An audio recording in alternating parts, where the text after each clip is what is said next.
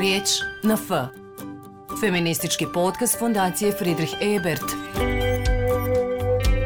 O aktualnim temama do principa ravnopravnosti. Aktivizam, politika, obrazovanje, ekonomija, umjetnost, nauka, kultura. Riječ na F. Feministički podcast Fondacije Friedrich Ebert. Osuda je najmanje što treba ženama koji su žrtve porodičnog nasilja.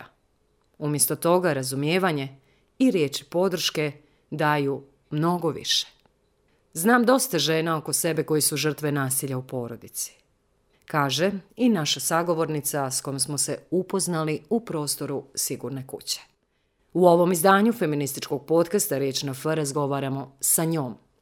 Jednom od žena koja je vjerovala svome mužu i njegovim riječima – Promijenit ću se, bit ću bolji, neću više tući tebe i djecu. A djeca su, kaže, bezbroj puta znala gladna leći u krevet. Stid je uz strah, materijalnu ovisnost, nedostatak informacija i nepovjerenje u službe zaštite. Jedan od osnovnih razloga zbog kojeg žene ne prijavljuju porodično nasilje. One prestaju da vjeruju sebi. Ili, kako naša sagovornica kaže – Najveća mi je želja da se vratim onoj kakva sam nekad bila. Vesela i nasmijana. Sigurne kuće postoje i put do njih je moguć. Čak i za majku sa petero djece. Riječ na F. Feministički podcast Fondacije Friedrich Ebert. Nalazimo se u prostoru sigurne kuće. Kako je vi doživljavate? Zašto je sigurna? Pa zato što sam zaštitila i sebe i djecu. Našla sam mir svoj sebe sebi i djeci. I osjećamo se sigurno, i ja i djeca. Nema više nasilja, nema više straha. Ne, ne strahuješ u koja će doba noć doći, da ćete probuditi, da ćete te da ćete tuć tući, maltretirati. Sada toga nema? Nema. Sad bezbrižno spavam. I mirno i spokojno. Dakle, veliki broj je nas koji ne prijavimo nasilje i napravimo taj korak iz raznih razloga. Možda nam je zapravo nekad teško reći treba mi pomoć. Jeste. Kod tebe kako je bilo? Kod mene je bilo od samog početka prisutno nasilje. Samo što nisam ozbiljno shvatala dok nisu počela djeca da dolazi. Kako su djeca počela da dolaze jedno, drugo, treći, četvrto, peto i onda stvar se izmakle kontroli. On nije ni donosio, ni meni, ni djeci. Živjeli smo od drugog, zavisili smo od drugog. Postalo je, sve postajalo gore i gore iz dana u dan. Na početku, kažem, nisam bila svjesna, ajde, bit će bolji, ali bilo je sve gore i gore. Nikad sve je išlo, još pogotovo prema djeta kako su možda je trebao i da se promijeni, nije. On je nastavio svojim putem. Sve je bilo gore i gore, teže i teže. Tuko je mene, djecu nije kad je pjan, ali kad je trijezan dosta je maltretirao. I fizički, zasitnice za znao je da udara za ko djete ne zna tablicu, on je znao djete išla sa modricom u školu. Nije to bitno da li je to šaka, da li je to noga muška, noga curicu. Najstarija mi je curica, ovaj, ona je donedavno, ona je peti razred, sad ona je donedavno. I na njoj sad osjetim najviše poteškoće s kojom sa njom ima poteškoće. Ona se donedavno mokrila koče. Znala je da izvrši veliku nuždu kad on dođe pjan, u krevet, straha ne smije da ustane ostraha, tog svega. Dva, tri put je to uradila veliku muž. A donedavno je mokrila. Ja sam ju vodila i doktoru i sve nalazi, sve joj u redu bilo. Shvatila sam šta je u pitanju.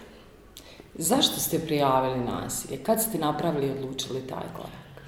Pa da bi zaštit, prvo da bi zaštitila djecu, drugo sebi.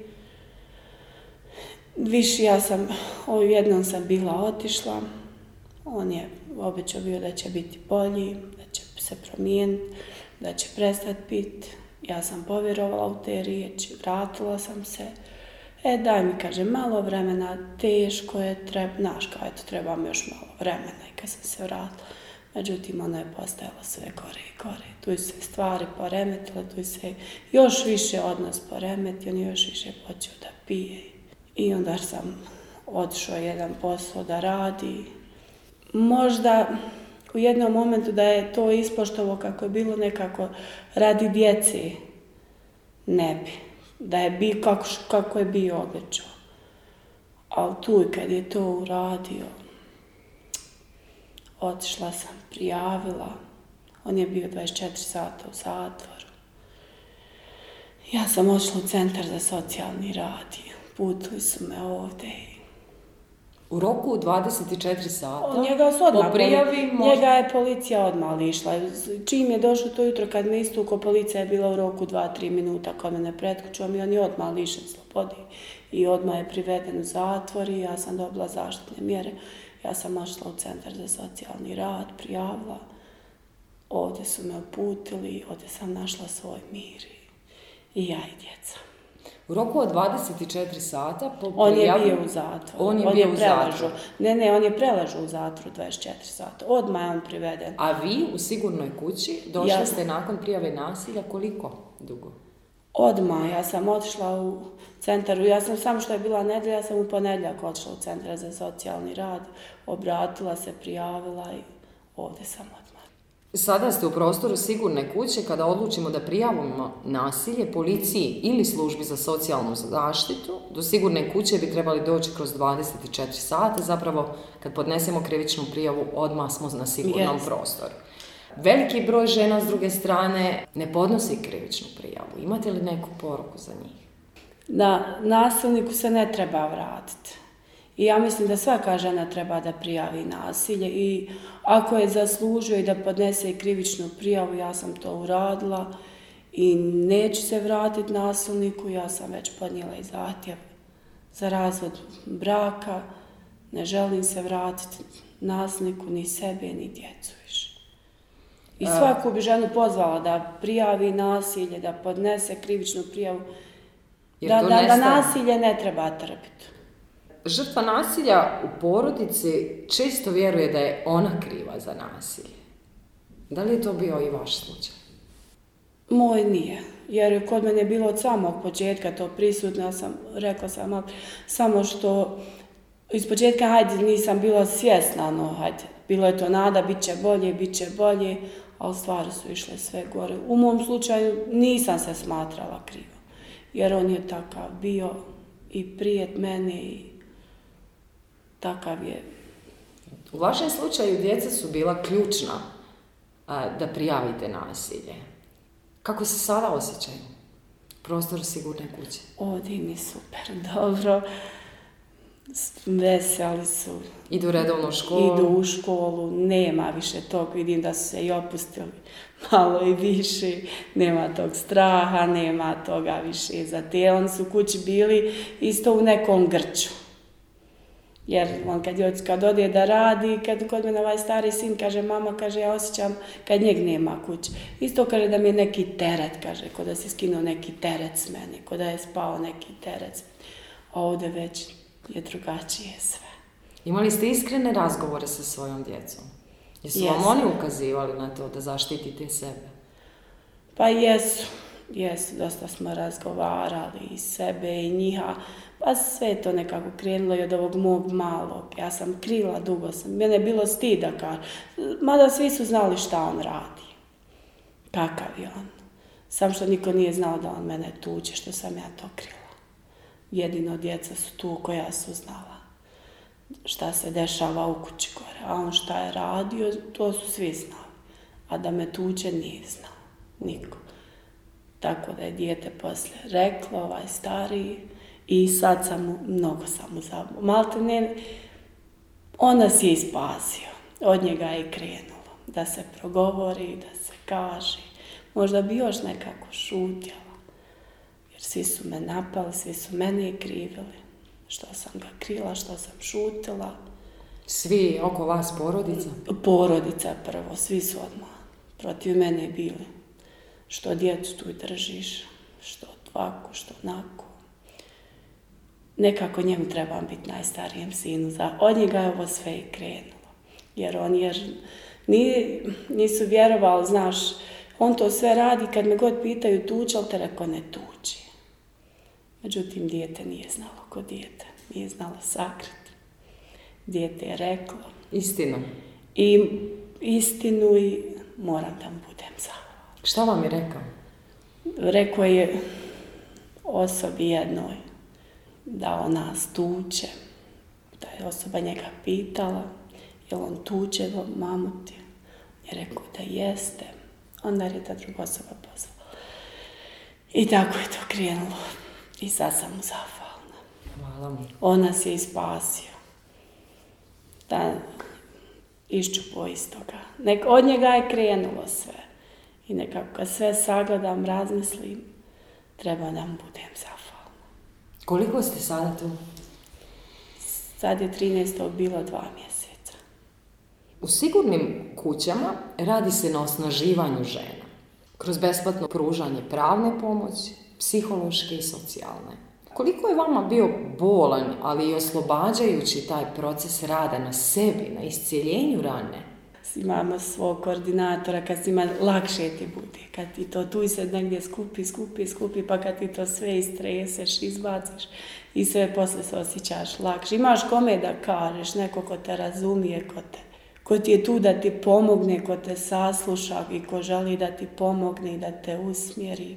Sve to nekako, u jednom momentu ti je nervoza i naravno sad ti razmišljaš, ja imam njih petro, kud, šta, kako, ja svaku noć s tim zaspim ali opet nekako kad izbaciš to iz sebi, jer zato imaš u posvijest svojoj kući šta, kako, ali lakše ti bude izbaciš se, tu su oni da nam pomognu kad s njima i razgovaramo i ispričamo. Tako da, sav onaj teret nestane što je tu i negdje na leđima. Komunikacija je bitna, vi prolazite ovdje redovno, psihološku pomoć, radite na sebi. Kad pogledate sve sebe, danas i prije tri mjeseca, i najveća mi je želja da se samo vratim ono što sam nekad bila. Jer sam upala u taj tuj krug, gdje sam se samo vrtila u jednom krugu. Nisam znala što se dešava oko mene. A sad ovdje kad sam došla, svjesna sam svega. I promašaj i kod djece, njiha mi je najviše žao. Svjesna sam svega. Sam želim da se vratim u ono što sam nekad bila. Ko je ona? A Ajde da ih prizovemo. Prije sam uvijek bila vesela, nasmijana. A tamo nisam bila. Tamo sam bila sasvim neka druga. Bezbroj puta su zaspali i gladni i dok on po kafanama se spravodio i... Sada smo tu i sigurni smo. Škola i dalje ide online, Jer sigurne neki kuće. Idu, neki su online. Ovo dvoje mhm. manje ide, ovo dvoje su online. Jel voli školu? Pa, voli ali malo ima sve to na njihovo i učenje i ponašanje. Dobri su oni. Oni su dobrice što se tiče njih u duši. Oni su malo su živahni. To, malo je to sve njihova situacija je na njih utjecala malo ima i ostatka i učenju i sve. svemu. Ali dobro su. Sve će to doći na svoje. Kroz sigurnu kuću dobijate i pomoć za traženje posla. Tu se daje ta mogućnost. da li je to nekako u planu? Da krenemo Pa ja jest to bi mi najveća želja bila da nađem neki posao, jer ja sam završila grafičku tehničku školu. Knjigovezac sam po smjeru. Volite da čitate? Nekad jesam sad slab. Ja sam knjigovezac. Mo, mogu da radi, na primjer, u svakoj štampari. To, to mi je samo posvijesti da nađem neki posao. Ne mora biti taj. Tu bi želju imala da započnem. Nađem neki posao da započnem novi život sa svojom djecom. Nadam se da će biti. U sigurnoj kući se susrećete sa drugim ženama koje su imale slično iskustvo. Koliko pružate razumijete jedno drugo u tom procesu? Svaka priča nosi svoju težinu, ali razumijemo se i znam dosta slučajeva, znam i van ovoga dosta slučajeva koje žene koje trpe nasilje, a ne prijavljuju. Razum, tu smo negdje da se razumijemo i teško je slušati svačije, jer teško je slušati kad svi mi pričamo. Pogodite, dirnete, odmah se pronađeš negdje u toj priči. Sve su one malte ne slične. Svaka je od njih od nas doživila nas, neki vid na oblik nasilja, neki teži, lakši. Ali tu smo, razumijemo se i podržavamo se. Hajmo za kraj neku poruku ženama koje prolaze ovo što ste vi prošli. Da se odluče na korak da izađu iz toga. Pa ja smatram da svaka žena treba da prijavi nasilje i da ne treba nasilje da trpi. Bilo koje vrste, da i psihičko, fizičko, da ne trebaju da trpi, da niko nije vrijedan. Jer ja znam da je moje zdravlje i narušeno, da ne trebaju, da, da niko nije vrijedan našeg zdravlja, našeg svaka bi žena trebala da prijavi nasilje. Riječ na F. Feministički podcast Fondacije Friedrich Ebert. O aktuelnim temama do principa ravnopravnosti. Aktivizam, politika, obrazovanje, ekonomija, umjetnost, nauka, kultura. Riječ na F. Feministički podcast Fondacije Friedrich Ebert.